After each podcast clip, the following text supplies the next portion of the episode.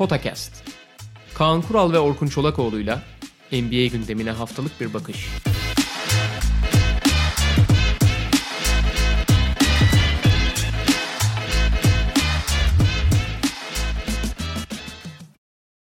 Merhaba, Potakest'e hoş geldiniz. Yine evlerden yayındayız elbette. Daha Kaan ilkel Kural'la koşullarla. Daha ilkel koşullarla, özlediğiniz o ilkel koşullarımızla. Ee, ve tabii ki yine e, geçmişten konularla bu süreçte çoğunlukla olacağı gibi. Ee, ne yapalım ne edelim diye biraz düşünmüştük ve eskilerden draftları konuşalım. Yani e, hem hatalarıyla hem o anki koşullar ve e, kararlara neyin etki, nelerin etki ettiğini e, değerlendirerek draftları konuşabiliriz diye düşündük. Ve tarihin en iyi draftlarından biri olarak gösterilen 2003 draftıyla başlayarak üst üste 3 yılı yani 2003 ile birlikte 2004 ve 2005'i konuşacağız bugünkü bölümümüzde. Yani zaten 2003'ten önceki draftlardan hemen hemen hiç oyuncu kalmadı. Ee, yani şu anda olan oynayan oyuncuların da bir kısmını ki 2003'te tabii ki LeBron hani temsil ediyor. Böylece hani zaman içinde bu draftlar nasıl seçimler yapıldı, ne oldu, kimler müthiş işler yapmış, kimler çok karavan atmış onları konuşmak her zaman eğlencelidir. Hı hı. Yani 2003'ten başlamamızın nedeni de belki daha sonra daha geriye de gideriz ilerleyen zamanlarda ama şu anda oynayan oyuncuları da e, kapsasın diye ve yani herkesin bildiği oyuncular olsun diye 2003'ten başlayalım dedik. Evet bugün içinde bir ara dönem. Evet aynen öyle. Ee, ya benim her zaman söylediğim şey var. Önce onu söyleyeyim de.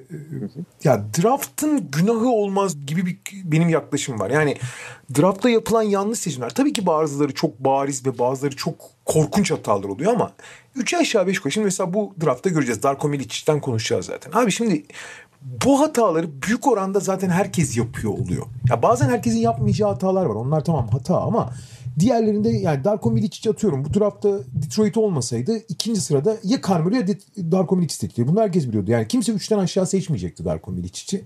Herkesin ortak görüşü o yöndeydi yani. Veya işte Michael Beasley olsun. Bir takım seçimler var. Ee, o ana kadar ki konsensus, büyük orandaki konsensus o oyuncuların çok yüksek potansiyellere sahip olduğu yönünde oluyor. Fakat yani hiçbir oyuncunun gelişimi lineer olmuyor. Gelişimin lineer olması dışında bir oyuncunun e, bireysel gelişimini etkileyen onlarca faktör var. Kendi çalışma alışkanlığı, kapasitesinin bir yerde sınanması, psikolojik faktörler falan gibi. O yüzden draftta işte ön sıralarda çok başarısız seçimi yap, seçimler yapılan, yapan takımları her zaman çok da suçlamamak lazım. Bazen evet çok bariz hatalar oluyor. Haşim Tabit falan gibi ama Hı hı. Büyük oranda e, böyle oluyor. Diğer taraftan işte 13. sıradan ya da işte kaçtı 12 miydi Antetokounmpo 12 miydi 13 müydü? Yani Antetokounmpo 13 olması lazım. E, işte 12'den 13'ten Antetokounmpo'yu veya o sıralardan Kawhi Leonard'ı seçmek de evet başarıdır. Yani seçeni takdir etmek lazım. Ama aynı zamanda biraz da şans oluyor onlarda. Yani e, bütün takımlar önlerindeki 13 takım falan aptal olduğu için falan hani herkes 14. sıraya kadar bekle, e, bekleyip almıyor. Şey eğer o kadar iyi olduğuna inanıyorsan e, trade up edersin. Yani daha üst sıraya da takasla daha üst sıralara çıkarsın ki oyuncuyu seç, seçebilirsin. E, evet yani 20. sıralardan arka sıralardan gerçekten çok ciddi potansiyelli oyuncu bulmak e, draftın başarısı vardır. Ben onu her zaman söylüyorum. 20'lerde 22'lerde e, sağlam bir rotasyon parçası bulmak gerçekten büyük başarıdır ve o gerçekten alkışlanmalıdır. Ama dediğim gibi özellikle Kawhi Yanis gibi oyuncular yani bir süper yıldızı draftın ortalarından bulmak büyük oranda şans onu söylemek lazım yani. Hı hı. Ha, rotasyon parçasını bulursun ama süper yıldızı o draftın ortalarından buluyorsan o şey herkes aptaldı bir akıllı senden durumu olmuyor yani.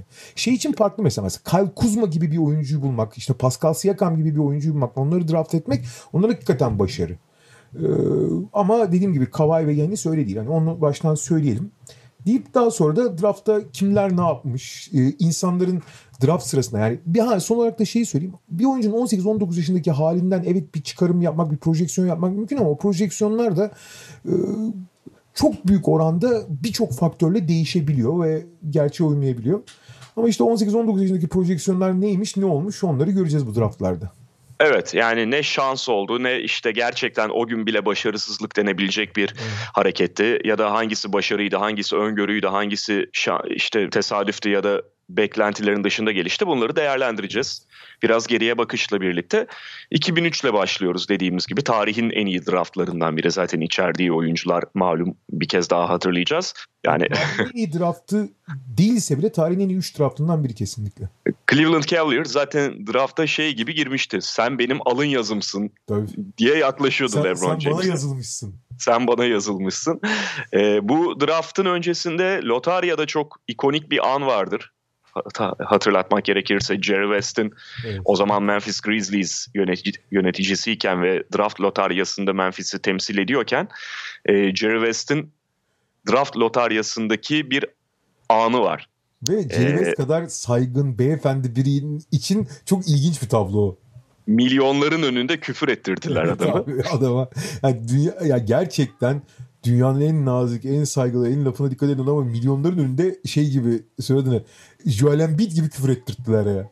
Şey de abi e, şimdi ikinci sırayı onu da konuşacağız zaten kimi seçtiklerini falan. Detroit Pistons Memphis'ten almıştı. Önceki bir takasın sonucu olarak. Yanlış hatırlamıyorsam ilk iki mi üç mü korumalıydı abi? İlk Yani biri korumalıydı. Birinciyi alsaydı ha Memphis- pardon pardon pardon Evet, evet evet. birinci sırayı Evet. alsaydı Memphis hak Memphis'te kalacaktı.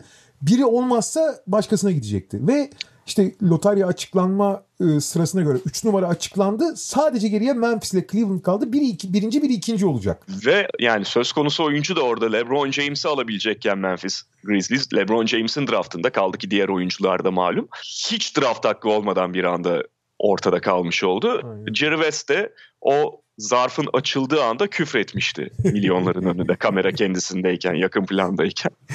Yazık abi ya. evet.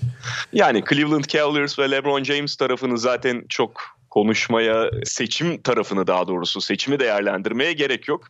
Evet. Zaten hani gözü kapalı yaptıkları bir seçimdi. Hele İyi hele e, iyi topçu ve Ohio'lu iyi bir topçu Aynen. olması itibarıyla da zaten işte az önce biraz şaka yolu söylediğimiz gibi LeBron James Cleveland'a yazılmıştı adeta.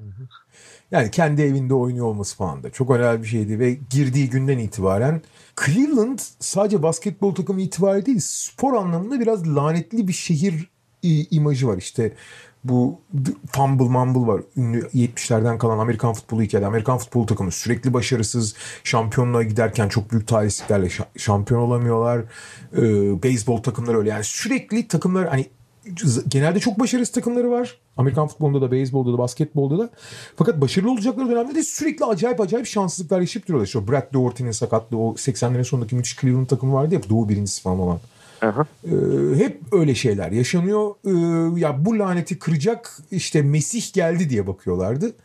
Nitekim ama işte 2007'de finale çıkardı ama sonra takımdan ayrıldı falan filan. En sonunda 2016'ya kadar o laneti kıramamışlardı ve 2016'da nihayet galiba şehrin 50 yıl sonra ilk şampiyonluğunu getirerek e, şehrin çocuğu, eyaletin çocuğu e, şehri yani Cleveland'ın şehrini kurtardı ama bayağı uzun sürdü tabii yani 2003'te draft edildikten sonra 13 sene sürdü bu kurtar. Yani Cleveland öyle bir bakmıştı ki kurtarma çabası bayağı uzun sürdü yani.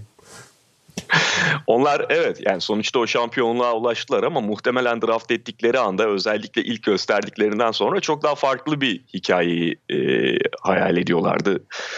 Ki çok da haklı olarak yani e, LeBron James gibi bir oyuncuya sahip olduğunuzda sonuçta elinizde bir hanedanlık oluşturmak için ciddi anlamda şans söz konusu oluyor. E ama Ee, sonuçta yani şampiyonluk tabii her şey şampiyonlukla ölçülüyor ama Aha. LeBron'un 3. sezonundan itibaren yani 2005 değil yani 2006'dan itibaren ayrılana kadar işte 2010'a kadar e, her sene Cleveland doğuda en iddialı takımlardan biriydi. Hani bunlardan sadece birinde final yapmış olması çok bir şey değiştirmiyor. Yani e, 2009 ve 2010 büyük hayal kırıklığı olduğu için. Hadi 2008 bir derece. 2008'deki şey Boston takımı çok iyiydi çünkü. Ama e, sonuçta şampiyonun e, 2000 o ilk dönemde yani LeBron biraz olgunlaştıktan, biraz 20 yaşına geldikten sonra hep şampiyonluk için bir aktör haline getirdi aslında Cleveland'ı. Sadece şampiyon olamadı. Tabii ve belli detaylarda daha doğru kararlar vermiş olsalar belki zaten o hikaye çok farklı şekilde de yazılabilirdi.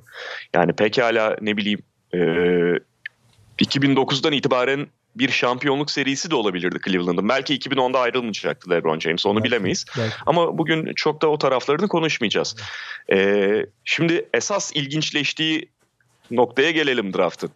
İki numara Detroit Pistons o Memphis Grizzlies'ten elde ettikleri hakla birlikte Darko Milicic'i seçti. Ee, şimdi o günü hatırlarsak Darko Milicic her ne kadar Carmelo Anthony'nin özellikle çok üzerinde durulsa da çünkü o da Syracuse'da bayağı iyi bir sezonu geride bırakarak Kolejde geliyordu şampiyon drafta. olmuştu bir de yetmezmiş Evet. gibi. Ve yani o günü hatırlayanlar bilirler zaten. Carmelo Anthony baya baya LeBron James'le de neredeyse yan yana getiriliyordu belli e, karşılaştırmalarda. Hani bir de böyle bir çocuk var. Bu adamı da gözden kaçırmayın diye çok Carmelo Anthony'nin üzerinde daha lige girmeden duruluyordu. Fakat abi Darko Milicic'i Detroit seçtiğinde de her ne kadar böyle ulan bu ne şimdi diye bir insanlar şüpheyle yaklaşsalar da kesin olarak üzerinde de çizmediklerini çoğunluğun söyle, söylemek gerekiyor. Çünkü biraz belki Nowitzki'den ve sonrasında Gasol'den kaynaklı Avrupalı oyuncuya bakış değişmeye başlamıştı ve Avrupa'dan biri özellikle bu kadar yukarılarda birini e, bir oyuncuyu seçiyorsa iş vardır şeyi de e, pozitif şüphesi de beraberinde geliyordu. Ve e, ta işin ilginç yanı bir zamanlar Avrupalılara e, çok küçümseyerek bak, bakan NBA işte o Kukoçik geldiği zaman falan da öyleydi. Daha sonra işte Kukoç'un ve bir takım başka Avrupa'nın, Divats'ın falan başka Avrupalıların başarılarından sonra e, ya bu Avrupalılar hani çünkü Avrupalıları bunlar çok yavaş abi. Tamam şut atmayı biliyorlar ama ayakları yavaş falan hiç NBA'de tutunamazlar diye bakarken bu sefer e, bütün bu söylem algı tersine dönmüş. Abi bunlar basketbol oynamayı çok iyi biliyor işte e, pas organizasyonuna dahil olabiliyorlar. Şut atabiliyorlar. Daha komple basketbolcular. Teknikleri yüksek diye bu sefer de olduklarından daha değerli görülmeye başlamışlardı. Ve o zamanlar işte 2003 diye bahsettiğimiz şu aslında e, çok e, tarih öncesi bir çağ olmasa da iletişimin yani internetin daha ilk zamanları, ilk zamanları değil de e, geniş bantın ilk zamanları. işte yayıncılığın daha sınırlı olduğu dönem ve işte Darko Milic'i izledikleri maç sayısı belli, gördükleri yer sayısı belli ve e, az izleyebildikleri ve az gördükleri örneklerden sonra kendi mit- mitosunu yavaş yavaş artırıyor. Yani çok gördüğün zaman nasıl e, beklentileri daha normalleştirirsen ya da beklentiler daha gerçekçileşirse görmedikçe de e, bir efsaneye dönüşmeye başladı yavaş yavaş. Ve e, gerçekten de yani ya ikinci ya üçüncü sırada. Ya LeBron'un bir olacağı kesin de evet Carmelo için de çok iyi şeyler söyleniyordu ama ya ikinciliği sıra içinde Darko Milic veya Carmelo gibi yaklaşılıyordu drafta. İşte Darko Milic'i 2-11 boyunda dışarıdan oynayan inanılmaz bir oyuncu gibi görülüyordu. Fakat e, Detroit onu seçti ikinci sıradan. Carmelo mu, e, Darko mu, Carmelo mu, Darko mu, Carmelo mu, Darko mu derken ki işin ilginç yanı e, Detroit'in o draftta çok daha ihtiyacı olan pozisyon Carmelo Anthony'nin pozisyonuydu. Çünkü da, e, Grant Hill takımdan ayrıldıktan sonra 3 numara pozisyonunda çok ciddi bir ihtiyaçları doğmuştu. E, Aha. Yani Carmelo teknik anlamda da takıma daha uyan parçaydı aslında. E, ama onlar Darko Milic için potansiyel edip oraya gittiler ve tarihin en büyük hatalarından biri olarak da tarihe geçti aslında bu seçim. 5 numarada da Ben Wallace'a sahipti Detroit Aynen. Pistons. Ama e, işte acaba Carmelo Anthony ve 3 numara ihtiyacı konusunda da e, tam drafttan önce o 2003 playofflarında Tayshaun Prince'in yaptığı çıkış mı kafalarını karıştırdı onu da e, tam olarak bilmiyoruz. Tabii o zamanlar Carmelo'yu 4 oynatmak gibi bir fikir pek kimsenin kafasında yoktu. Yani öyle bir şey Evet. çok düşün. Şey de bir- bu arada yani şimdi Darko öyle bir şey ki birazdan kısa kısa bahsedeceğiz. Çok uzun bahsetmeye gerek yok ama ya bu draftın ilk 5 sırasına bakıyorsun abi. LeBron James, Carmelo Anthony, Chris Bosh ve Dwayne Wade. Her biri birer süper yıldız ve her biri takımlarına evet e, Bosh Toronto'dan, Carmelo Denver'dan ayrıldı ama her biri takımlarının bayrak oyuncusu olmuş. Yani süper yıldız takımın lokomotifi olmuş oyunculardan bahsediyorsun ilk 5 sıra için. Ve Evet. bir tane de Darko Milic yani NBA'de hiç olsa ne olur olmasa ne olur diyebileceğin statüde bir adam. Yani normalden daha da komik gösteriyor Aynen. seçimi. Bu senin söylediğin o diğer dört oyuncu. Atıyorum 2013 draftında böyle bir seçim yapılmış olsa Anthony Bennett'ın olduğu gibi arada kaynayabilir çoğunlukla. Ee, peki 3 numara Carmelo Anthony. Bu noktada artık Denver Nuggets zaten kucağına düşen seçimi yapabilirdi. Yani ilk 3'te işte LeBron James, Darko Milicic, Carmelo Anthony, e, sen bahsettin Milicic, Anthony arasındaki sıra değişebilir deniyordu ama Denver'a gel, gelindiğinde çok seçim yapılacak bir şey yoktu. Çünkü o zaman Wade'in falan üzerinde gösteriliyordu Carmelo Anthony zaten. Ee, ki çok da hani ilk döneme en azından başarılı oldu Denver'la. Bunu da hatırlıyoruz. Yani zaten çok çok başarılıydı. Hatta Yani çaylak yılında pek çok açıdan LeBron'dan daha başarılı olduğunu düşünen ve yılın çaylağının Carmelo Anthony olması gerektiğini düşünen pek çok kişi vardı. Ee, çok da haksız değillerdi. Evet LeBron gerçekten müthiş bir çaylak yılı geçirdi ama özellikle takımının da başarısı. Daha başarılı bir takımdı Denver. E Carmelo da orada çok cuk oturmuştu oraya. Hani e, yan yana koyduğun zaman hakikaten o sene yılın çaylağı seçiminde Carmelo çok uzak değildi LeBron. Hatta Carmelo'ya oy vermek için gerçekten güçlü argümanlar vardı yani. Öyle bir çaylak sezonu geçirmişti Carmelo Anthony. Ki zaten Evet. gerçi kariyerinin sonu belki çok olumlu gözükmese de Carmelo Anthony de çok harika bir kariyer geçirdi. Yani kimse onu yatsıyamaz. Yani seversin sevmezsin ayrı konu. Olağanüstü bir kariyeri olduğu bir Hall of Famer e, yani şöhretler müzesi oyuncusu olduğuna hiç şüphe yok yani. Kesinlikle. E, çok da iyi bir takım içerisinde yer aldı yani başından itibaren. kendisi için de uygun bir takım içerisinde yer aldı ve sonra zaten hızla da Batı'nın iddialı takımlarından birine dönüştüler. E, 4 numarada Chris Bosh Toronto Raptors tarafından seçilmişti. Şimdi burada belki o günkü Toronto kadrosunu hatırlatmakta fayda olabilir. E, çünkü Chris Bosh yani bir Carmelo ya da LeBron James gibi ilk andan itibaren gümbür gümbür takımın yıldızı haline gelmemişti. O biraz daha sırasını beklemek durumunda kalan bir oyuncuydu. Toronto kadrosunda da işte Antonio Davis gibi uzunlar vardı yani. Antonio Davis bugün ismi anıldığında o kimdi lan e, tepkisi oluşturabilir, yaratabilir ama Çok sağlam Günün-. Günün saygı değer oyuncularından uzunlarından biriydi. Özellikle o günün uzun profili ve ihtiyaçları göz önüne alındığında Chris Bosh biraz daha sırasını bekleyerek yavaş yavaş adımları atarak Toronto Raptors'ta yerini kazandı. Ama kazandıktan sonra da çok özel bir oyuncu, e, oyuncuya dönüşüyor. Tabii yani Miami'deki Chris Bosh'u hatırlıyor herkes dışarıdan oynayan ki zaten basketbolu 2010'larda değişince Chris Bosh'un da aslında ne kadar özel bir dışarıdan oynayabilen uzun olduğu ortaya çıktı. Halbuki yani ilk seçildiği zaman Toronto kariyerinin çok büyük bölümünde Chris Bosh klasik anlamda bir dört numara gibi potaya daha yakın oynayan tamam orta mesafe falan şut atan ama hani alan açan bir, bir dört değil yani klasik dört gibi. Bir klasik dört için biraz hani ince kaldığından dolayı da hatta zaman zaman işte ya senin en sürükleyici oyuncun buysa işte bu kadar zayıfsa pozisyonu için hani nereye kadar gidebilirsin diye çok ciddi de çok haksız eleştirilmiştir de aslında yani o, o dönemlerde Chris Bosh'ta. Evet Bir de şey ve Vince Carter travmasının hemen sonrasına geldiği için Chris Bosh yani çok travmatik bir takıma gelmişti. Onu da unutmamak lazım. tabii ki şey yok bir dakika geldiğinde Vince Carter takımdaydı abi. Yok yani şöyle tabii ki takımdaydı. Ha. Vince Carter ayrıldıktan sonra takımın lideri olduğu döneme bahsediyorum ben. Yani Ha ha pardon pardon. Evet. Yani ilk geldiğinde de aslında Toronto'nun hayali işte e, Vince Carter, Chris Bosh'la biz iç dış süperstar ikilisini yakalarız ve uzun yılları bu oyuncularla kurtarırız. Ama o hayal çok uzun sürmedi Vince Carter'ın çıkardığı arz- arızalarla birlikte. aynen öyle. Yani 2000 işte ilk çaylak sezonunda Vince Carter'la birlikte oynadı. Ama çaylak sezonundan sonra e, iki- zaten ikinci o işte sezonun ortasında gitti şey New Jersey'ye ikinci sezonunda yani Chris Bosh'un Chris Bosh daha ya- yeni yeni oynamaya başlarken Vince Carter travması yaşandı ve Vince Carter ayrıldıktan sonra takımın lideri haline geldi. Fakat o travmadan o liderliği falan da hiç şey yapamadı. Ka- e, kaldıramadı demeyeceğim ama çok ideal bir rolde oynamadı. Çok ideal bir takımda oynamadı e, kendisi adına. Hı hı. Altıncı sıra Los Angeles Clippers Alman yıldız Chris Kaman'ı seçmişti. Pardon pardon dur 5 var yani 6'ya Haydi atladım bir anda. 5 Heat, e, Dwayne Wade. Yani kulüp tarihinin en büyük oyuncusu abi. Bu kadar. Yani daha üstüne bir şey var mı? Şu var abi yani kesinlikle öyle. Seçilirken tabii Dwayne Wade e, Aa, doğru. Bak o güzel. o gün yani o aa 5. sırada gittiler kime aldılar dedirtmedi belki ama böylesi bir kariyer ortaya çıkmasını da çoğu kişi beklemiyordu. Aslında bir, biraz da dedirtti. Çünkü Wade açıkçası sezonun son bölümünde ve NCAA turnuvasında patlama yapana kadar bu kadar yukarılarda seçilmesi beklem, beklenmiyordu. Fakat sezonun sonuna doğru çok dikkat çekmişti.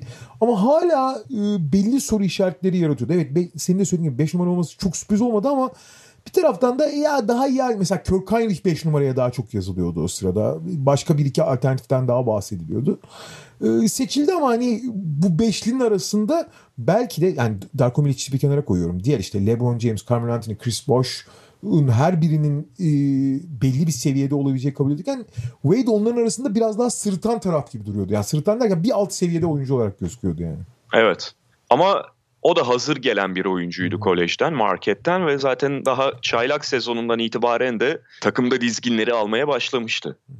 Onun o e, o sezondu değil mi? Tabii çaylak sezonunun sonunda çok iyi bir playoff'u vardır mesela. İnanılmaz bir playoff vardır. Ya. New Orleans'la Evet. şey 7 maça giden Hı hı. e, serileri falan. Gerçi o zaman Charlotte mı? Yok New Orleans, New Orleans. Tuhaf bir seriydi o ama e, muazzam oynamıştı. Yani orada kendini göstermişti. Yani ne yapabileceğini ortaya koymuştu. Altıncı sıra Chris Kaman, Los Angeles Clippers. Clippers'ın o dönemi tabii her zaman şey ilgi çekmiştir.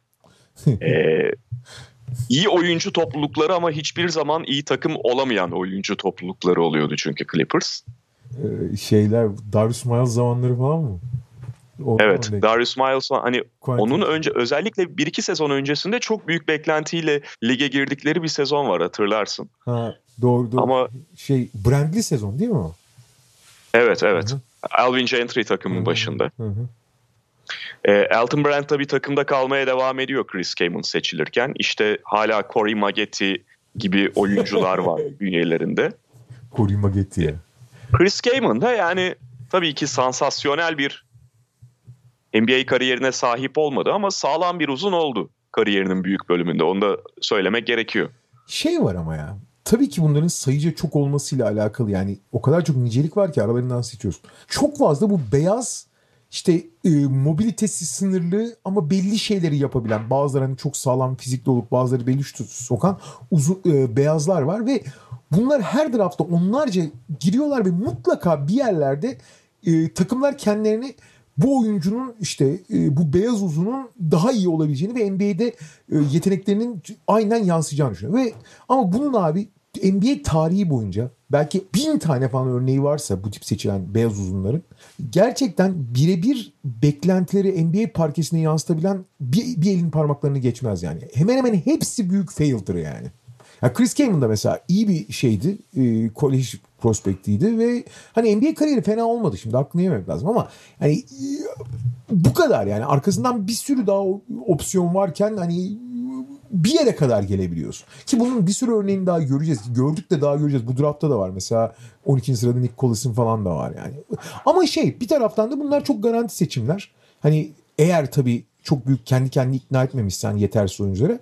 Hani ne alacağını biliyorsun. En azından işte 6. oyuncusu 6. oyuncu, 7. oyuncusu 7. oyuncu. İlk 5'in 5. parçası ise 5. parçasını alabiliyorsun. Yani daha garanti seçimler gibi gözüküyor. Ama bu e, beyaz uzun saplantısı NBA draftının en büyük saplantılarından biridir ya. Evet özellikle o dönemlerde hakikaten. Yedinci sıraya geçiyoruz. Chicago Bulls Kirk Heinrich'i seçmişti. E, dönemin Bulls'u da çok tuhaf bir kadroydu. Michael Jordan sonrasında yolunu bulmaya çalışan uzun sürede bulamayan bir Bulls söz konusuydu e, o yıllarda. İşte 2002 draftları meşhurdur. Pardon 2001 draftı. Hem Eddie Curry'i hem de Tyson Chandler'ı almışlardı. Şimdi o günü hatırlarsak Eddie Curry bir Shaquille O'Neal işte klonu Tyson Chandler da Kevin Garnett'e benzetilen bir oyuncu olarak gelmişti. İkisi de liseden geliyordu. Liseden gelen oyuncuların daha böyle revaçta olduğu ki draftın bir numarası da malum 2001 draftından bahsediyorum. Kwame Brown. Zaten Ee, bu, bu üçlü sağ olsun liselilerin bütün yaldızlarını döken üçlü oldu ya. Aynen öyle oldu. Aynen öyle oldu. Yani o 2001 draftında liseden gelen oyuncular önceki örneklerden ötürü çok seksi haldeyken bu üçlükle bir anda fabrika ayarlarına dönüldü neredeyse. Tabii ki LeBron James falan istisna. Eddie Curry ve işte şey Tyson Chandler hala kadrolarında. Bir taraftan Jamal Crawford var. Yani bir oyun yönlendiriciye, oyun kurucuya ihtiyaç duyuyorlardı. Onlar da tercihlerini saygın bir kolej kariyeri de olan Kirk Heinrich'ten yana kullanmışlardı. Heinrich yani gelirken de zaten belki öyle bir beklenti yoktu. Hiçbir zaman star olmadı ama her zaman da çok sağlam bir oyun kurucuydu. Aslında etrafında gerçek anlamda yıldızlar ve iyi bir kadro olsaydı Kirk Heinrich'in NBA kariyerini de çok daha farklı hatırlıyor olabilirdik.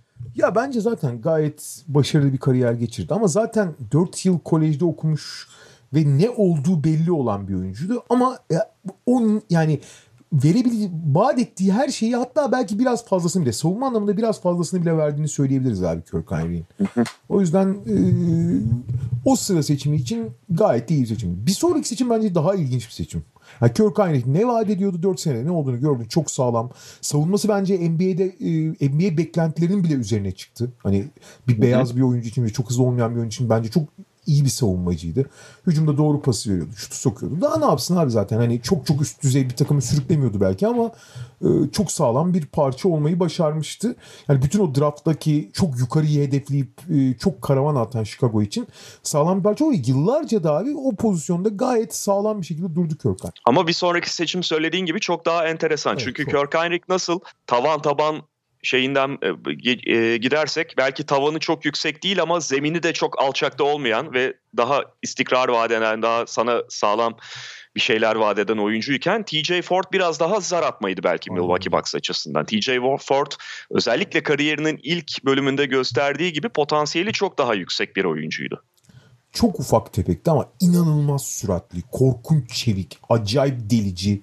Yani sahada resmen sürekli sihir yapan bir adamdı. Ama yani fizik olarak çok yetersizdi. Hiçbir zaman çok iyi bir şutu olmadı. Sonra sakatlıklar makatlıklar derken çok ilginç bir proje olmasına rağmen onun altını hemen hemen hiçbir dönemde yani küçük küçük böyle saman alevi gibi gerçekten büyüleyici şeyler yapmış olsa da hiçbir şekilde altını dolduramadı o vaatlerin. Ama e, o takım enteresan bir takım olmuştu. Evet. Milwaukee Bucks'tan bahsediyoruz. Ray Allen sonrası dönemde çünkü aniden bir şeyler buldular. Şimdi Ray Allen takasını hatırlarsak bir sezon önce yapılan, sezonun ortasında yapılan Seattle'la yaptıkları Gary Payton'ı getirmişlerdi ama Gary Payton zaten yarım dönemlik bir oyuncu oldu. O da sonra işte Lakers'a gitti. TJ Ford'un bu beklenmedik katkısı kariyerinin başında ve Ray Allen sonrasında Michael Redd'in gösterdiği patlamayla birlikte Tony Kukoc falan da vardı o takımda. Milwaukee bir anda Doğu Konferansı'nda iddialı kalmayı e, beklenmedik şekilde sürdürdü. Ve Yani iddialı derken şampiyonluk iddiasından bahsetmiyorum ama playoff yapmışlardı o sezon. Ve şey çok ilginç. Ee, ilk e, modern spacing'i yapan takımlardan biri gibiydi. İşte Kukoc bir şütör ve top yönlendirici uzun olarak dışarıda duruyor. Michael Redd ligin en önemli, en tehlikeli şütörlerinden birine dönüşmüş. Bunların yanında işte onların alanı açması sayesinde kendi penetre kanalları bulan TJ Ford etkili oluyor falan. Bir anda abi hani beklenmedik bir şekilde çok daha modern, çok daha spacing olan, çok daha geniş sahada oynayan bir Milwaukee takımı herkesin de beklentilerini fersah fersah aşmıştı. Çok haklısın. Evet ve e, Milwaukee'nin özellikle o yıllardaki geleneğine uygun şekilde şey birbirini böyle tam da tamamlamayan ama hepsi birlikte pivot pozisyonunu kol kola götürmeye çalışan bir sürü pivotu vardı. Yani hiçbiri tam anlamıyla tatmin etmiyor ama Dan Gadzuric, e, Joel Pirzibilla, tanıdık bir isim Daniel Santiago, Brian Skinner. Bu arada saydığın isimleri biliyorsun. Sürekli beyaz ve kalın e, mobilitesi sınırlı uzunları sayıyorsun ilk üç sırada yani. Evet evet. Hep öyleydi ama işte Evet, o dönemki Milwaukee takımlarını hatırlarsak. Aynen öyle. Ve ondan sonrası biraz tabii tuhaflaşıyor yani. Burada bütün sıraları tek tek konuşmayacağız ama Michael Sweet New York Knicks tarafından seçilmişti. Hani New seçilirken Knicks'e- New York Knicks'e yakışan seçimlerden biri daha. evet Georgetown'dan gelmişti. Hani Ya. 4 numara ama kalın bir 4 numaraydı Michael Sweet. Sonra kalın, Fazla kalınlaştı. Fazla kalınlaştı abi.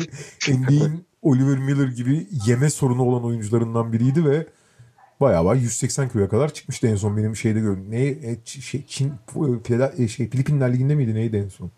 10. sırada Jarvis Hayes var. O Ee, mesela aslında çok potansiyelli bir oyuncuydu. Klasik bir Washington Wizards seçimi o bakımdan. Evet. Yani Wizards tarafından draft edilmişti ama e, zaten. Ama e, yani çok da o beklentileri tam anlamıyla karşılayamadı. Aslında çok modern, çok atlet bir üç numaraydı ama e, evet senin söylediğin gibi sakatlıklar falan da onun kariyerini etkiledi ama e, hemen arkasından gelen Mikel Pietrus'la aslında yani Giles Hayes de Mikel, Mikel Pietrus da biraz daha komple bir oyuncu. Hani Avrupa tedrisatından geçtiği için ama işte atlet Hayes biraz daha şütörü, Pietrus biraz daha atlet versiyonu gibi 3 numaraları arka arkaya seçmişlerdi. Golden State'de Pietrus seçmişti. Nick Collis'ın yani en azından sağlam bir kariyer geçirdi. 14 Sonuçta evet belki abi. 14 sezon oynadı ve çoğu zaman yani son iki sezonunu falan saymazsan e, sağlam bir net rotasyon parçasıydı. Daha ne olsun yani. Klasik. Beyaz uzun işte. Marcus Banks yani kendini tam olarak kendi kendine tanımlayabilse çok daha istikrarlı bir kariyeri olabilirdi belki. Yok ama abi. İşte iyi savunmacı, kuvvetli bilmem ne ama şey o biraz daha fazlasını yapmaya çalışıyordu her zaman. Sıfırdı abi. E, bundan sonra abi ilginç, görece bayağı başarılı bir seçim var. İki tane hatta. Abi yani arkalarda bir var. 18 Tabii şey bir şey- şeyler var. Şöyle e, ben hemen Luke Ridnour'u söyleyeceğim. Onun arkasında da 18 Ha. numarada David Westphal bir iki tane de başarılı seçim var arkalarda canım. Ta- ha tamam Luke Reednauer'la devam edelim. Ridnour da ya ayakları yavaş, çok penetresi olmayan falan bir beyaz oyun kurucu olmasına rağmen çok net şutör olduğu için, çok az hata yaptığı için e, daha sonra e, Seattle'a işte Ray Allen'la falan filan birlikte oynarken de onları onlarla birlikte çok e, gene işte ilk spacing örneklerini çok iyi yakalı, yapabilen takımlardan biri olduğu için falan çok gerçekten beklentinin çok güzel, çok başarılı bir kariyer geçirdi. Evet. Biraz daha arkada 18. sırada David West var. O zaten en başarılı seçimlerden biri özellikle yerine oranla. Bu draftın bence hani tabii ki ilk 5 sırayı katmıyoruz. Hani onların her biri birbirinden başarı ayrı konu ama ilk 5 sıra haricindeki en başarılı iki seçimden birini olduğunu düşünüyorum ben 18 sıradaki David West'in. Hı hı. Biri David... Yani kendisi için çok da doğru bir ortama düşmüş oldu. Çünkü bu drafttan iki yıl sonra Chris Paul da geldi ve işte yani belki çok uzun yıllar devam etmediler birlikte ama Chris Paul'la aslında çok iyi bir oyun ortağı bulmuştu kendisine David West. Evet. Yani nasıl yani biliyorsunuz zaten David West daha yeni bıraktı ama çok sağlam, iş disiplini çok yüksek, orta mesafeden şutu olan, e, hafif pozisyon için kısa kalsa da kuvvetiyle, oyun bilgisiyle falan onu fazla fazla e, dengeleyen. E, dediğim gibi orta mesafe şut olduğu için kısmen de olsa sahayı da açmayı başaran, 4 numara bu sayede 4 numara da oynayabilen bir uzundu. Ve harika bir kariyer geçirdi. Onunla birlikte bence e, bu draftın en büyük ikinci başarı, yani iki numaralı başarısı da şey. 30 numaradaki Josh Howard abi. Ee, Howard ben, Aa, evet. E, 29 abi. 29 pardon. Son sıra olduğu için evet. o zaman 29 takım vardı tabii doğru. Ben son sıra olduğu için direkt 30'a gitti aklım. İlk turun son sırasından Josh Howard'ın bence çok büyük başarı.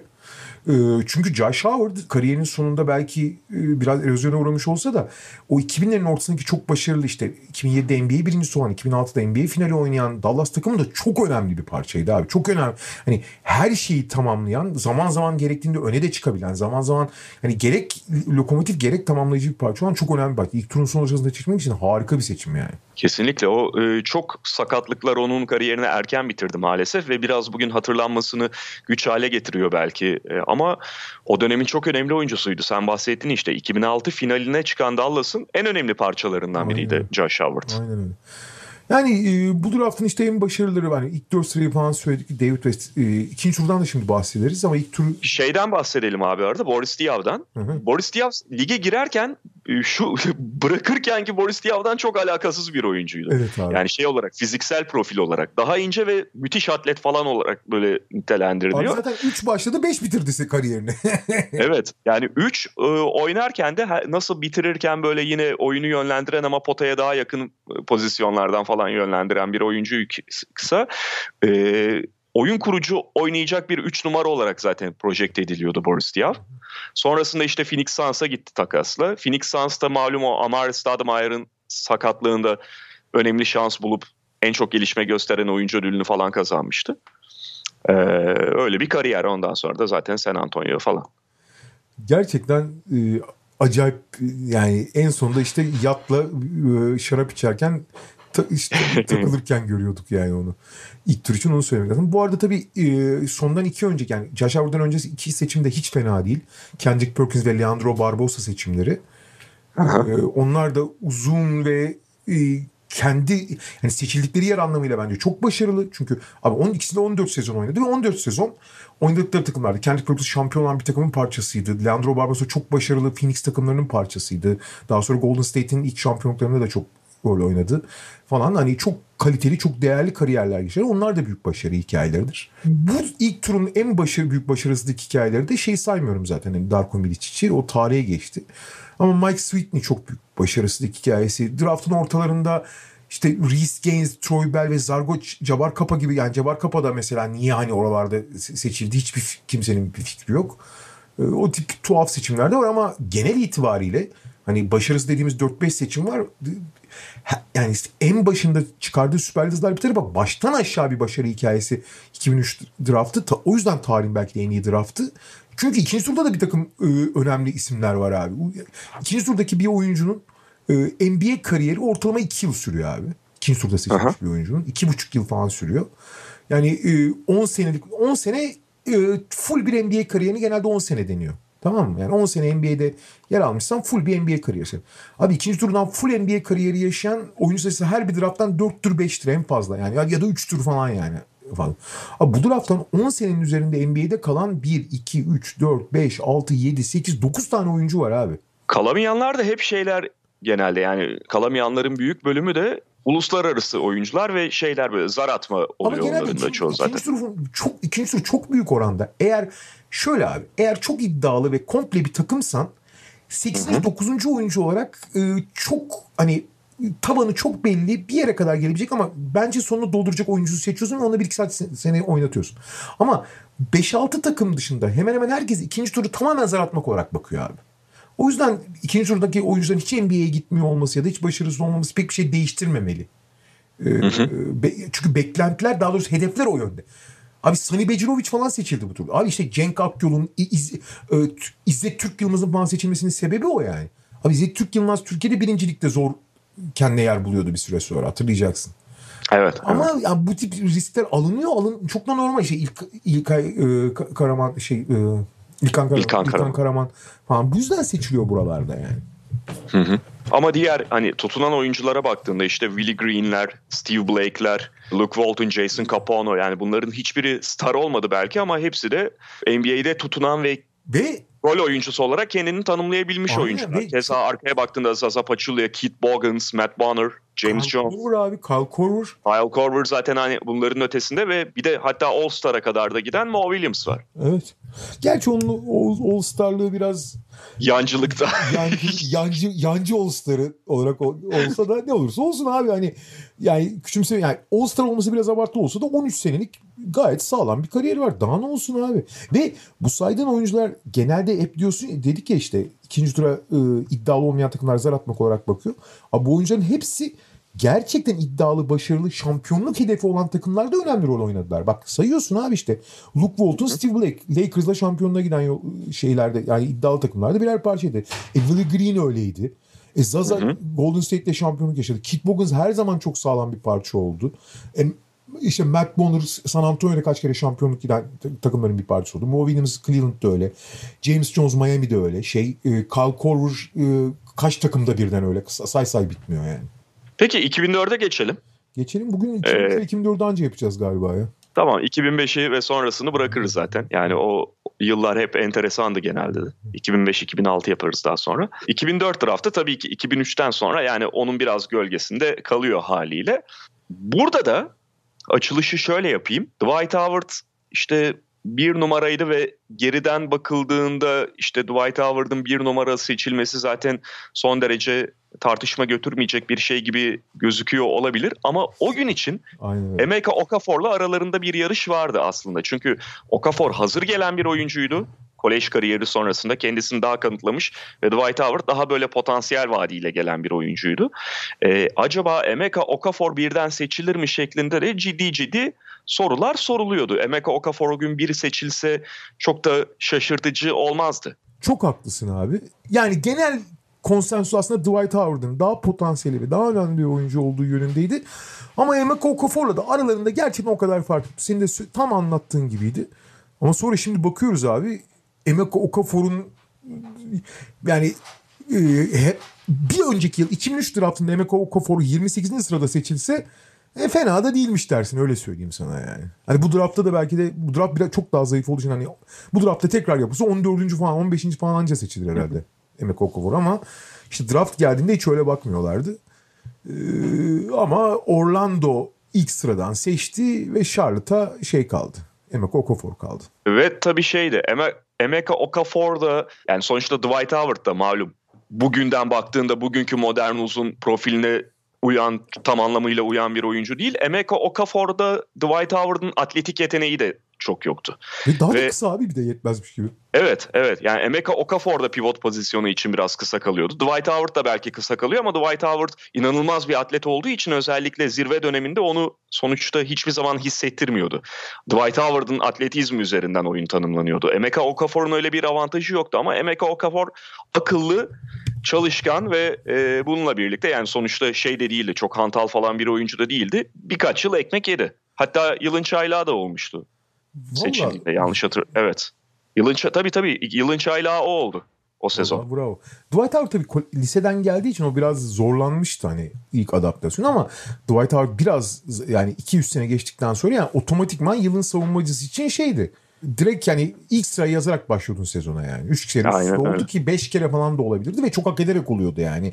Ee, ki Dwight Howard'ı biliyoruz. O kadar hani aklı bir karış havada ve eğlence düşkünü bir karakterdi ki şey konsantrasyonunun sadece bir miktar işte yüzde yetmişi mi dersin, yüzde sekseni mi dersin, yüzde ellisi mi dersin. O bile hak ederek yılın savunmacısı olmasına yetiyordu yani. Hani Dwight Howard. Evet. sen şey hatırlıyor musun abi? Dwight Howard lige geldiğinde nasıl bir karakterdi? Hani biraz aklı havada diyoruz da lige ilk geldiğinde çok bir kere aşırı dindar bir aileden gelmişti abi Dwight Howard. Aha. Böyle sürekli işte din okulunda falan okumuş. Yani resmen oranın imam hatibi gibi bir yerde okumuş falan. Acayip Şey abi, aile. Southwest Atlanta Christian Academy yani.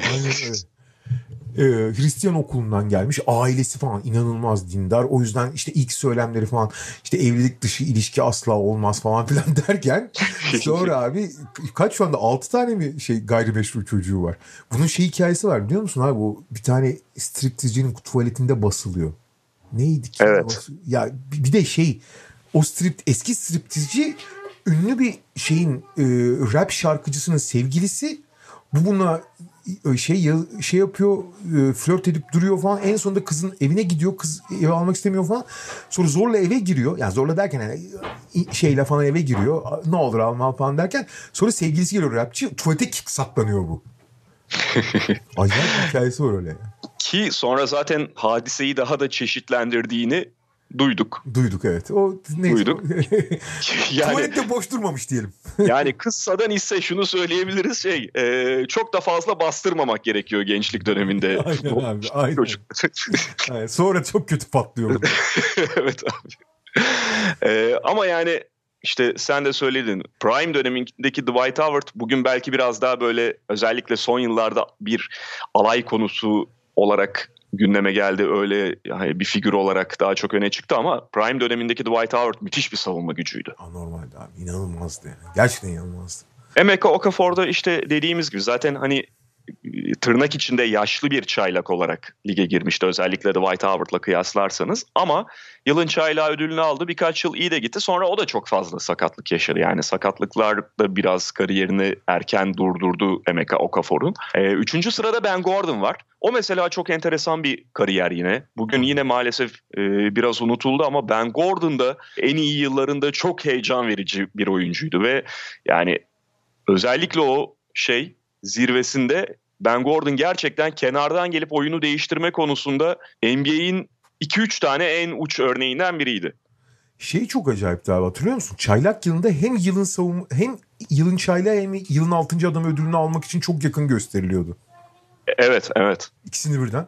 Ve senin de söyleyeyim kenardan gelip abi yani inanılmaz şut sokuyordu ve acayip oyun değiştiren bir faktördü. Ee, geçtiğimiz günlerde Players Tribune'da bir yazı yazdık. Okudun mu? Okumadım abi, gördüm yazıyı. Yani şöyle biraz bakmıştım. Şey, Ee, akıl o da sağlığı. zor bir dönemden geçiriyor, e, geçiyormuş. Şimdi geçtiğimiz günlerde yani bak NBA'den ayrıldıktan sonra e, maalesef çok talihsiz olaylarla gündeme geldi. İşte bir tane şey benzin istasyonuna gidip e, benzin istasyonunu soymaya kalktı. Hani e, kalktığı sonra işte bir restoranın camından girip olay çıkardığıyla falan ilgili. Ama çok ciddi şizofrenik belirtileri olan, e, çok ciddi en, e, anksiyeteden kaynaklanan zihinsel sorunları olan bir oyuncuyken nihayet o onları büyük oranda çözmeyi başarmıştı ve onunla ilgili çok güzel bir yani işte kendi aklın seni dinlemiyorsa ne yaparsın diye çok güzel bir yazı yazdı Players Tribune'a. Ee, ve e, sonuçta şey orada yani kendi yazdığı yazıdan bir alıntı söyleyeyim. İşte bileğin burkulduğunda ya da ne bileyim işte diz bağların koptuğunda tedavi olabiliyorsun ama aklın e, sakatlandığında nasıl tedavi olacaksın? Çünkü sen sak- sakatlandığını kabul etmiyorsun. Bileğin burkulduğunda kabul ediyordum ben ama aklımdan sakatlandığımın farkında değilim ki değildim ki diyor. Yani işte o zaman arkadaşlara ihtiyacın olduğunu, senin için başkalarının devreye girmesi gerektiğini falan söylüyor. Neyse ki şu anda çok daha iyi durumda ama oyunculuğunu hatırlarsak da tam senin söylediğin gibi hani girip o zaman yani bizim için şu anda çok normal gelen ama o dönemler için çok tuhaf gelen kenardan girip bir çeyrekte 3 tane üçlük, 4 tane üçlük falan atıp bir anda oyunun kaderini de- değiştirebiliyordu Ben Gordon. Ve o takıma katılımıyla birlikte bir anda taşlar yerine oturmuştu. Evet. Şimdi biraz önce Kirk Heinrich'ten bahsettik. 2005'te yani Ben Gordon'ın ilk sezonunun sonunda playoff yaptı hı hı. Chicago Bulls. Hatta dördüncü sıradan yaptılar. Şimdi kontrol ettim. Elenmişlerdi gerçi ilk turda şeye Gilbert Arenas'ın Washington Wizards'ına. Ama şeydi mesela Kirk Heinrich'i zaten bir önceki sene draft etmişlerdi. Ben Gordon geldi. Andres Nocioni'yi almışlardı zaten. Hı hı. Önceden galiba draft hakları Chicago'daydı. O sene gelmişti. Tyson Chandler da Eddie, Tyson Chandler ve Eddie Curry de biraz biraz adam olup ciddi katkı verir hale gelmişlerdi. Hatta bir de Lowell Bank var birazdan konuşacağımız. Yani bir anda Chicago Bulls böyle adam akıllı bir takıma dönüşmüştü. Dördüncü sıradan da playoff yaptılar. Hatta dördüncü sıradan yaptılar ama şey o dönem şey diziliş sistemi farklıydı. Aslında en iyi üçüncü derece. Yani üçüncü sırayı Boston Celtics alıyor ama kendi division'ının lideri olduğu için alıyordu. Onun da üstünde bir derecesi vardı Chicago Bulls'un. Ve o takım ee, bir parçaydı ben Gordon. Evet. Dördü, ha şimdi burada da dördüncü sıraya gelirsek of. yine en enteresan isimlerden biri hmm. Sean Livingston. Sean Livingston Clippers tarafından draft edilmişti. Şey bir takas sonucunda. Hmm. Tabii bu şeyle birlikte Clippers Charlotte takası olmuş. Dördüncü sıra Charlotte'ındı. Sonra takasla Clippers'a geçti ve Sean Livingston çok büyük beklentilerle lige giren bir oyuncuydu. Ve aslında çok inceydi çok ince olduğu için tabii ki e, kariyerin ilk zamanlarında etkisi biraz düşük olsa da 2-0-3 boyunda say inanılmaz gören modern Magic Johnson deniyordu. Nitekim fiziği tam olarak oturmamasına rağmen bu beklentileri de çok büyük oranda karşıladı aslında. Ama bir yere kadar. O yani talihsiz de demeyeceğim korkunç sakatlığa kadar. Valla ben ee... e, benim herhalde şu anda hafızamı yokluyorum da benim içimin en kıyıldığı pozisyon oldu. Yani Gordon Hayward'ın sakatlığını hatırlar herhalde dinleyicilerimizin çoğu. Sean Livingston'ı ka- kaç hatırlar bilmiyorum ama Gordon Hayward ne kadar gördüğünüz anda sizin içinizi kıydıysa ondan daha dramatik bir şeydi. Öyle söyleyeyim yani. Evet. Ben, evet ben ve... o kadar yani şey anlamadım. Kusma his yani kusma refleksimin bu kadar tetiklendiği bir olay da hatırlamıyorum basketbol sahasında. Ve şöyle bir şey var. Şimdi Gordon Hayward'ın sakatlığı da tabii ki korkunç. Özellikle görünümü itibarıyla ama o sakatlığın çok örneğini de gördük. Sessiz ol. Bu podcast'te de bu podcast'te de katılımı oldu Nilsson. Eskiden çok sempatik oluyordu. Şimdi büyüdükçe şiddetleşiyor kendisi maalesef. şey sonuçta Gordon Hayward'ın sakatlığının yani ne kadar kötü bir görüntü olsa da geçmişte de çok örneğini gördük falan ve onun dönüşünü 3 aşağı 5 yukarı yine örnekleriyle biliyoruz. Sean Livingston'ın ki hem kötü bir görüntü hem de sen de hep bahsedersin dönüşü hakkında bırak dönüşünü. Yani normal sağlığına kavuşması hakkında ciddi şüpheler vardı Sean Livingston'la ilgili olarak. Doktoru normal yürümesini amaçlıyoruz demişti. Yani yürüyebilmesini amaçlıyoruz dedi. Basketbol van bırak abi. Hı Yani ben mesela hep aşil tendonu sakatlığından falan bahsederken şey diyorum işte belki basketbol sahasında yaşanabilecek en ağır sakatlık şu anda diye ama Sean Livingston'ınki basketbol sahasında yaşanan sakatlıklardan ziyade neredeyse şey gibi. O Jay Williams'ın yaşadığı motosiklet kazası falan gibi bir trafik kazası sonuç şey yani. Tabii trafik kazası gibi bir şey maalesef. Ama yani çok uzun bir yolculuğun sonunda da olsa ve tabii ki eski haliyle olmasa da e, kariyerini devam ettirmeyi ve çok da saygın bir son getirmeyi de başardı Sean Livingston. O bakımdan da herhalde herkesin sempatisini kazanmıştır. Aynen öyle çok haklısın. 5 numara Devin Harris Washington Wizards'ın hakkıyla Dallas'a geçmişti. Dallas Antoine Jameson'ı vermişti Washington Wizards'a ki Antoine Jameson o günlerin gerçekten çok önemli skorerlerinden biri 4 numarada. E, ama Dallas'ta Devin Harris'in potansiyeline inandığı için bu takasa girmişti.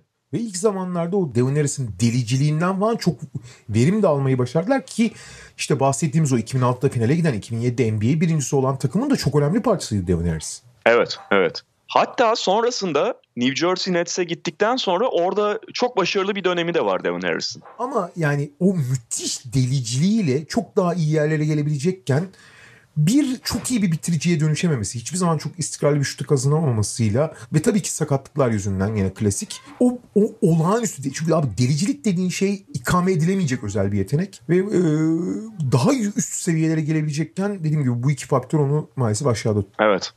6 Josh Childress Olympiakos efsanesi. Olympiakos efsanesi ve evet.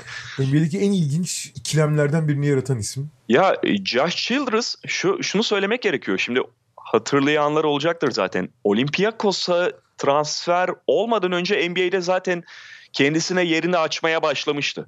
Yani önemli bir oyuncu haline geliyordu. Bir yıldız olmasa da. Ama başından itibaren Josh Childress'ın o problemli şutu biraz daha böyle normal formla atılan ve istikrarlı bir hal olsa, e, halde olsaydı ve daha menzili geride olsaydı. Çünkü Josh Childress hep bir orta mesafe şutörü oldu. Onu geriye çekemedi tam anlamıyla. 3 e, sayı falan atabilseydi o zaman çok farklı şeylerden e, bahsedecektik muhtemelen Josh Childress'la alakalı. Doğru ama maalesef o müthiş çevikliği ve atletizmini hiçbir zaman basketbol tekniğine devşiremedi Josh Childress.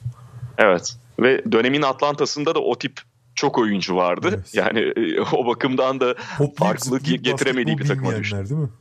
Aynen öyle. Yedinci sıra Lou Oldeng Phoenix Suns'ın hakkıydı ama Chicago Bulls'a takas edilmişti işte. Biraz önce bahsettiğimiz o Chicago Bulls'un içerisindeki kadrosunun içindeki oyunculardan biriydi. Çok da iyi bir kariyeri oldu. Son yılları belki biraz böyle o aşırı overpaid kontratıyla gündeme geldi ama Chicago günleri Lou Oldeng'in baştan aşağı müthiş bir kariyer. Çok da saygı duyulması gereken bir kariyer. Ve bir başarı hikayesi tabii ki. Hı hı. Tom Thibodeau tarafından da kariyeri kısaltılmış olabilir. Tom Thibodeau'nun o kadar çok kişinin kariyerini kısalttı ki bir Lolding'i de ama Lolding'ini çok Lolding'ini çok kısalttı. Çünkü 43-44 dakikalar oynatması bir tarafa ee, biliyorsun o korkunç menen, menenjitti değil mi? Menenjit başlangıcı mıydı? Hı hı. Virüs menenjit, menenjit başlangıcıyla hastaneye yattıktan sonra o başım ağrıyor falan derken sahaya sürüyordu. Adam ertesi gün hastanelik oldu. Komaya giriyordu neredeyse.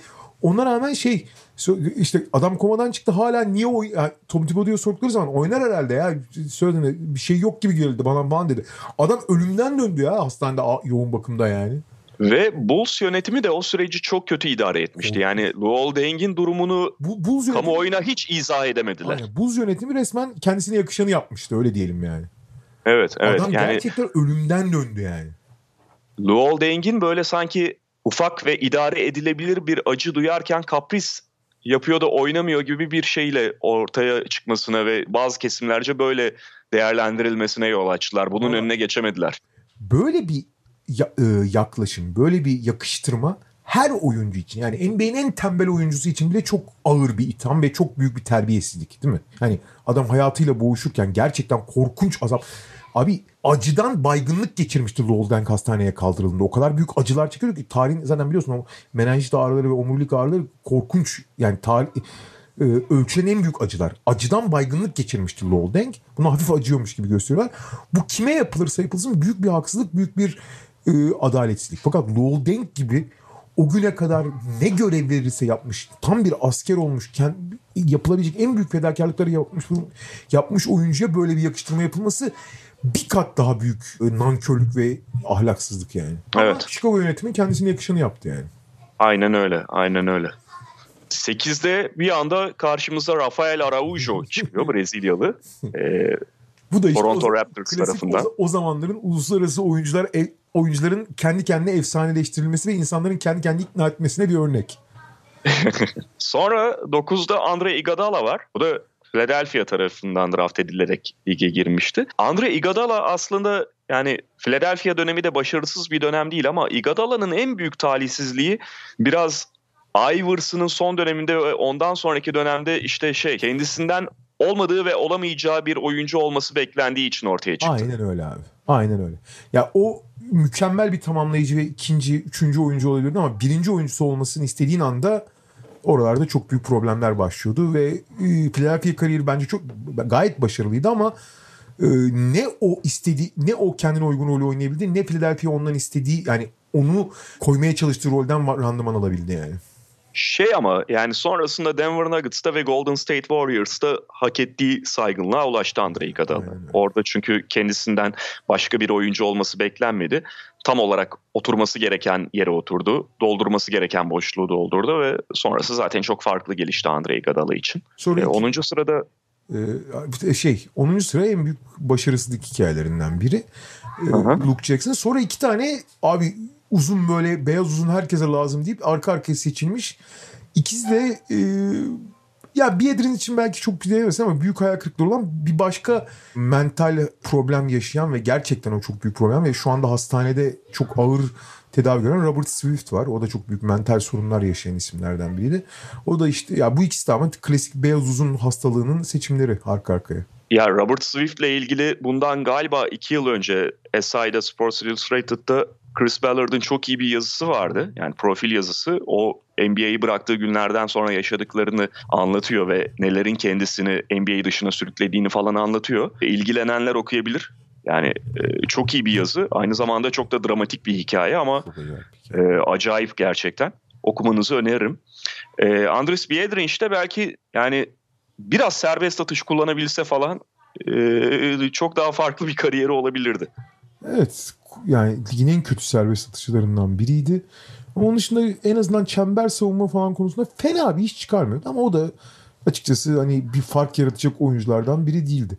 Bundan sonra zaten hani e, belli bir kariyeri olan işte Sebastian Telfair, Chris Humphries gibi e, oyuncular var ama fark yaratan oyunculara gelelim istersen. Hani belli bir oranda kariyer olarak fark yaratan oyuncular.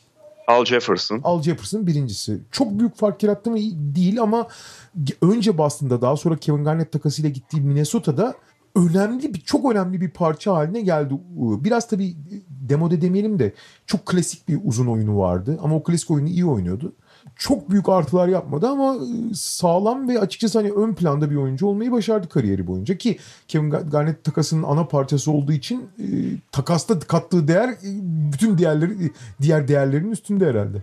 Kesinlikle. E, Josh Smith yani biraz daha kafa sahibi olsaydı kim bilir neler, nerelere gelecekti. Buna rağmen önemli bir kariyer e, kısa bir dönemde de olsa Abi, gerisinde bıraktığını söyleyebiliriz. Şöyle, biraz hani sporcu kafası olsaydı bu draftın en büyük ikinci oyuncusu olabilirdi ya. Yani Dwight Howard'dan daha iyi oyuncu olabileceğini zannetmiyorum ama diğer hepsinden daha iyi oyuncu olabilirdi Josh Smith. Evet, evet. Hala da yani oynuyordu ve oynuyor olurdu ve şeydi modern oyuna falan da çok uyan bir oyuncu olacaktı. Ama hiçbir zaman söylediğin gibi hani sporcu kafasının yanına yaklaşamadı. Yaklaştığında çok uzun süreli olmadı. Hep kendini olduğundan iyi gördü. Sürekli çatışmaların içerisinde yer aldı takım içerisinde. Yani son derece de istikrarsız bir oyuncuydu zaten. Aynen. Hemen arkasında yine sporcu kafasından uzak olsa da olağanüstü yeteneğin doğru yerde odaklamayı bildiği için hep önemli bir aktör olmuş biri var. J.R. Smith. J.R. Smith tarihin belki de en tuhaf işini yapmış 2018 e, e, e, NBA finali ilk maçında yapmış isim olmasına rağmen. Yani kariyerin ilk dönemini hatırlar mısın sen onun Denver'daki olağanüstü atletizmi ve şeyini. Abi o smaç yarışmasında o durduğu yerden arkasından geçirip yaptığı smaç falan akıl almazdı abi. Yani muazzam bir atletti. Çok iyi bir şutördü. Abi şöyle. Smith saf yetenek olarak gerçekten ligin en önemli skorerlerinden biri olabilirdi. Ee, ama işte o da yani bir Josh Smith kadar olmasa da e, iyi bir sporcu olmadığı için sadece iyi bir oyuncu olmakla yetindi yani. Ya da iyi bir kariyer sahibi olmakla iyi sayılabilecek bir kariyer. Yoksa hakikaten evet. süper yıldız potansiyeli vardı. Smith. Ya ve hep pasajlar sundu o yetenekten. Aynen.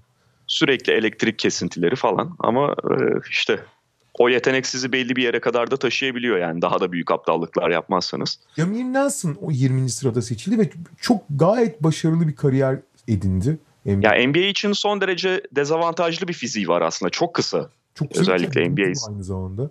Evet ama iyi bir takımın içerisinde yer, al, yer aldı Orlando'da ve ya mesela o omuz sakatlığı olmasaydı 2009 Tabii. finaline onlar giderken omuz sakatlığı yaşamıştı Jamir Nelson ve katkı verememişti falan. Aslında son derecede önemli bir parçasıydı o takımın.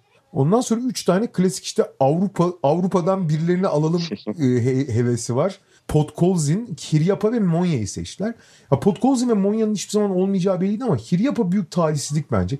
Hiryapa'yı hatırlıyor musun? İlk sezon gittiğinde gerçekten çok başarılı bir sezon geçirmişti şeyde hı hı. NBA'de e, ilk sezonunda falan. Gerçekten üst düzey bir oyuncu olabilir. Özellikle işin savunma tarafından çok iş yapıyordu ama e, daha sonra kariyerini etkileyecek sakatlıkları artı e, ne bileyim bir türlü onu yeterince verimli kullanmamalarıyla şey yapamadı. Yani tutunamadı. Hiryapa ama çok daha fazla iş yapabilirdi. Şey de Hiryapa lige girdiğinde zaten hani uzun boylu kalın bir 3 numara olarak görülüyordu. Hı hı. Aslında onu başından itibaren bir hani 4 hani 5 demeyeyim 5 daha sonraki yıllarda kabul edilebilir hale geldi belki ama 4 olarak tam olarak tanımlayabilseler ve bir de tabii ki daha sağlıklı kalabilseydi kariyeri boyunca gerçekten yolu NBA'de uzanabilirdi onun. Ama zaten Avrupa'da da mesela çok saygın bir oyuncu oldu ama sakatlıklar her daim önüne çıktı bir yapan. Benim Avrupa'da en sevdiğim oyunculardan biridir ya. Yani şeyken oynar oynayabilirken tabii ki. Aşağılarda Delonte West var. Zaten hani geçtiğimiz günlerde gündeme gelmişti. O- Ee, ama oynuyorken Delonte West de gayet yeri olan bir Bu oyuncuydu. arada bu ne kadar ilginç bir draft abi. Ben Gordon, Robert Sweet ve Delonte West. Yani mental Bir rahatsız- uğursuzluk var. Efendim? Bir uğursuzluk var Evet. hakikaten. Yani- draft. NBA'in son 20 yılında en ağır mental rahatsızlığı geçiren 3 oyuncu da bu drafttan gelmiş. Ben hiç dikkat etmemiştim üçünün de bu draftta olduğunu. Aralarında en iyi kendini toparlayan ve tekrar normal hayata dönen de Ben Gordon oldu açıkçası. Evet. Evet. Ee, neyse şeye dönersek bu draftta bir tane daha yani ilk turda en azından bir tane daha ilginç ve bence önemli bir isim var. O da Tony Allen. Şey yani hiçbir zaman iyi bir hücumcu olmadı belki. Zaten hiçbir zaman olmadı ama so, ligin en özel dış savunmacısı olarak harika bir kariyer edindi e, kariyeri boyunca kendisine. Bir de onun aşağısında hemen altında Kevin Martin. Ha evet, aa, pardon onu atladım tabii Kevin Martin abi. Kevin Martin muazzam bir skorere dönüştü sonrasında. Hem Sacramento'da işte, hem. Minnesota'da. Evet doğru çok haklısın. Bak Kevin Martin'i atlamışım ben. Evet. Ya Kevin Martin'in şu yönü vardı tabii. Yani skorer çok iyi bir skorerdi ama hemen hiçbir başka şey yapamıyordu. Yani Bir şey çok soracağım. yönden de şey defekt katıyordu Bir takıma. şey soracağım abi. NBA tarihinde gördüğün en kötü stile sahip iyi şütör kimdi? Bence Kevin Martin abi. Olabilir abi. Yani iyi şutörü mesela biraz daha şey olarak Elit ya- şütör diyeyim. Elit şütör. elit şutör olarak tanımlarsak evet Kevin Martin herhalde. Ya da şöyle söyleyeyim. Şu stile ve isabeti konusundaki korelasyonu en korelasyon makası en açık oyuncu bence Kevin Martin'dir abi. Muhtemelen evet. Çok acayip. Düşünüyorum yani o aklıma gelen çünkü hakikaten çok dezavantajlı gözüken bir stili vardı ama elit şutördü. şekilde çıkıyordu elinden ama çatır çutur sokuyordu abi. Ee, bu draft zaten hani çok zayıf olmasa da 2003'ün gölgesinde kalan hani e, ortalamanın biraz altında bir drafttı. İkinci turdan da bence bir, yani Anderson Varejao 30. sırada. İlk turun ilk sı- sırasına seçildi. O an tam ikinci tur sayılır mı sayılmaz mı sayılsa bile Varejao'nun kariyeri derneği çok görkemli. İkinci turdan bir tane bence dikkat çekici isim var. Ee, NBA'de hani belli bir etki yaratmış bir oyuncu olarak ki hala Trevor Ariza. Trevor Ariza. Evet.